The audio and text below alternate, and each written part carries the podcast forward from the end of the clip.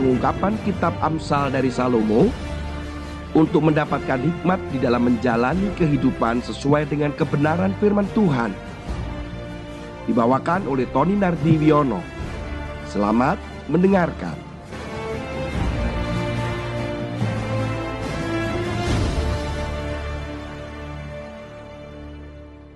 Shalom Bapak Ibu sekalian. Puji Tuhan, kita sekarang masuk di dalam pembacaan firman Tuhan kita pada Kitab Amsal pasal yang ke-8 ayat 18 dan 19. Demikian firman Tuhan. Kekayaan dan kehormatan ada padaku, juga harta yang tetap dan keadilan.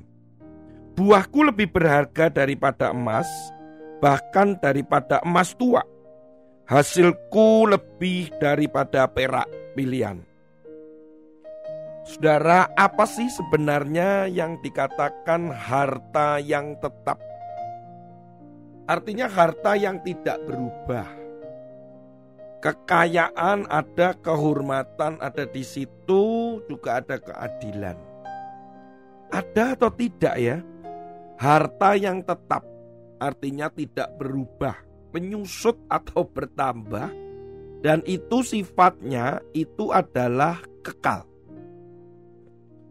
Saudara, pasti mulai mencoba untuk membayangkan ada ya harta yang tetap dan sifatnya kekal. Ada saudara. Yaitu adalah harta yang ada di sorga. Saudara, kalau kita hidup mencari hikmat, kemudian kita juga menggunakan hikmat itu kita hidup di dalamnya dan hikmat itu ada di dalam kita. Dalam pengertian bahwa hikmat itu adalah firman, Saudara. Maka firman itu sendiri adalah kebenaran dan kebenaran itu adalah Kristus. Jadi ketika kita menerima Yesus, Yesus ada di dalam kita yang adalah firman itu dan firman ada di dalam diri kita, kita berada dalam firman itu. Maka kita mendapatkan harta itu. Kita mendapatkan harta yang tetap yaitu yang ada di sorga. Itu lebih berharga dari emas yang paling murni sekalipun di dunia. Kita mengerti bahwa ada tambang-tambang emas ya di Indonesia juga termasuk emas yang cukup berkualitas yaitu yang ada di Papua. Itu emasnya luar biasa sekali. Ada juga yang mengatakan ada yang lebih besar dan lebih luar biasa. Ada yang orang sekarang hari-hari ini sedang mengejar yang namanya cryptocurrency. Dengan berbagai macam, ada salah satu jenisnya adalah Bitcoin. Orang mengejar Bitcoin untuk mendapatkan sebanyak-banyaknya. Satu Bitcoin itu seharga puluhan ribu US dollar. Orang sekarang lagi menambang. Beberapa rekan yang saya pernah temui sekarang lagi menyiapkan komputer dengan VGA yang super canggih, super mahal. Yang dikatakan bahwa itu bisa menambang Bitcoin, cryptocurrency. Yang secara digital tidak bisa tampak nyata secara fisik tetapi lebih kepada sesuatu yang maya atau abstrak digital. Tetapi orang-orang sekarang ini banyak tuh yang mengejar itu. Selain Bitcoin, ada Digicoin dan sebagainya. Mereka berusaha untuk menambang. Mereka istilahnya lagi mining gitu ya. Jadi mereka menambang untuk mendapatkan itu. Kayaknya ini lebih mahal dari emas. Orang terus berlarian, orang terus mengejar, gak tidur dan seterusnya mereka mengejar hal itu semua. Untuk apa sebenarnya? Saudara, sorga itu lebih dari semuanya itu. Kita akan baca firman Tuhan dulu diawali dengan Amsal tadi sekarang dilanjutkan di dalam Matius pasal 6 ayat 19 sampai 21. Demikian firman Tuhan. Perikopnya hal mengumpulkan harta. Janganlah kamu mengumpulkan harta di bumi.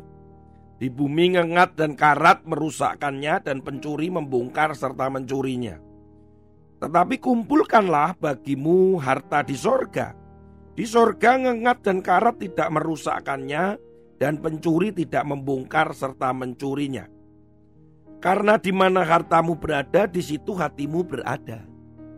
Saudara, Tuhan Yesus sendiri loh nih yang ngomong karena tulisannya jelas warnanya merah.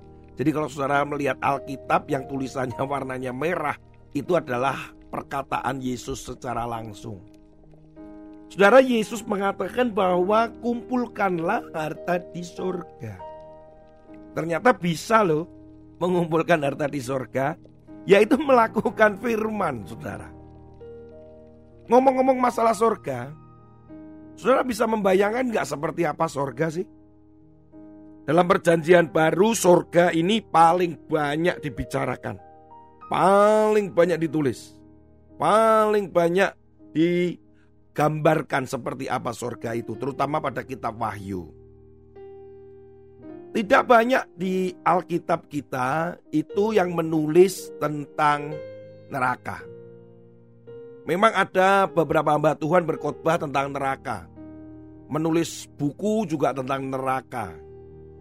Jujur bahwa saya kurang tertarik dengan hal itu. Sebenarnya ilustrasinya sederhana aja. Karena memang saya tidak mau ke sana, mengapain mesti dipelajarin. Dan saya juga tidak mau ada promosi neraka. Menakut-nakutin saya. Karena memang bukan tempat saya. Bukan tempat saudara yang percaya kepada Yesus.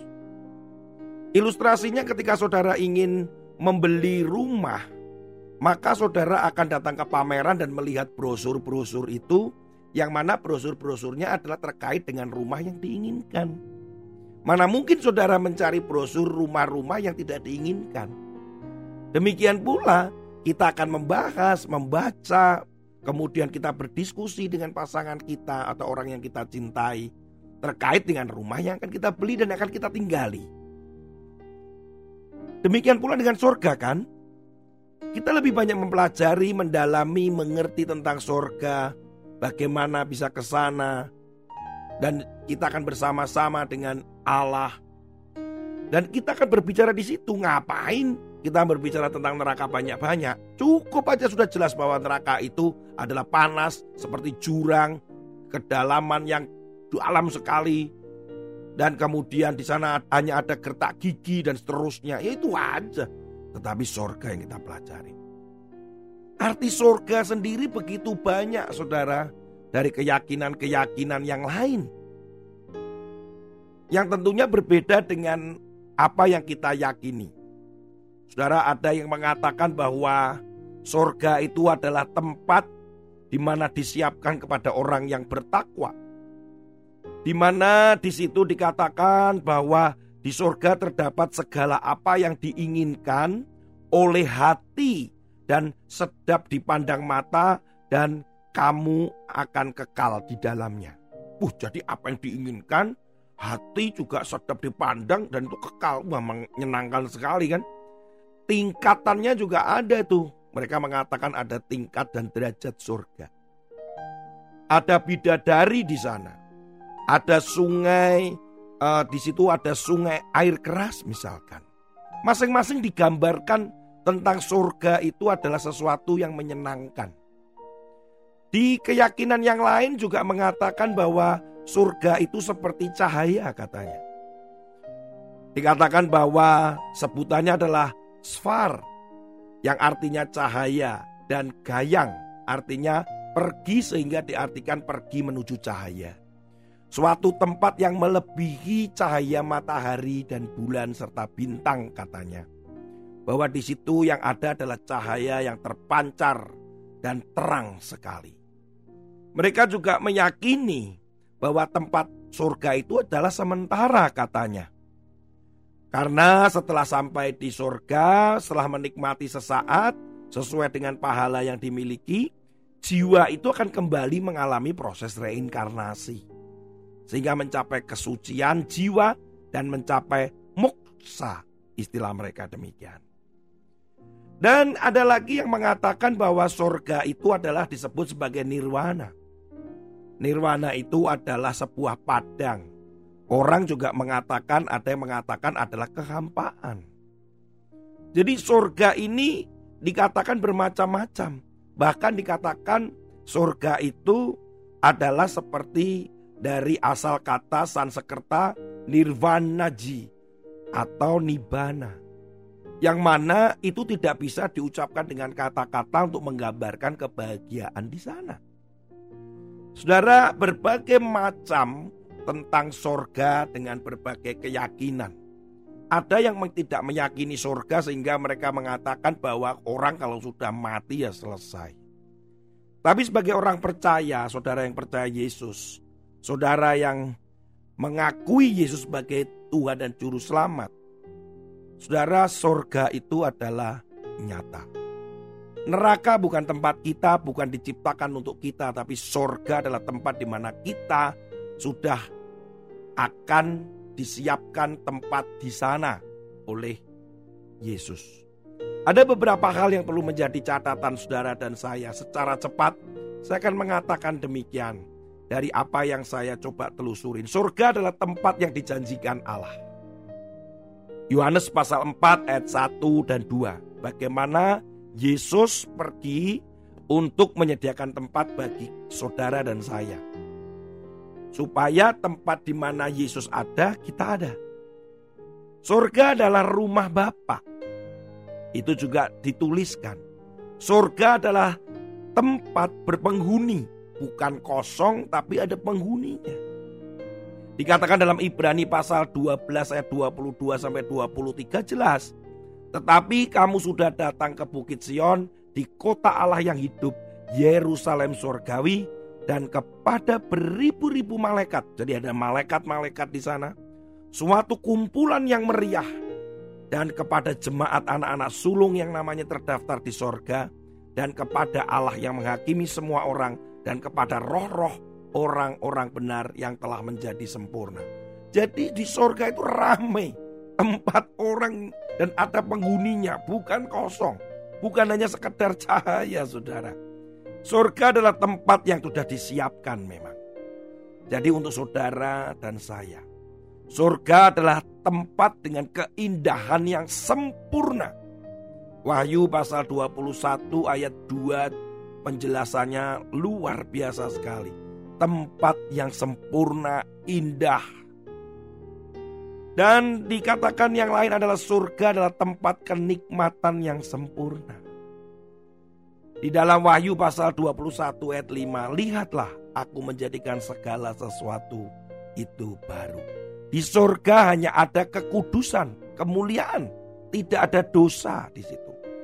Di surga tidak ada yang namanya tangisan, tidak ada yang namanya sakit, jadi kehidupan yang diperbaharui itu luar biasa sekali ya saudara ya.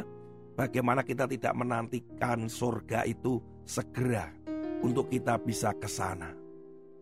Dikatakan dalam Wahyu pasal 14 ayat 13, berbahagialah orang yang mati dalam Tuhan sejak sekarang ini. Sungguh kata roh, supaya mereka boleh beristirahat dari jerih lelah mereka karena segala perbuatan mereka menyertai mereka. Wah, ini tempat yang luar biasa, saudara.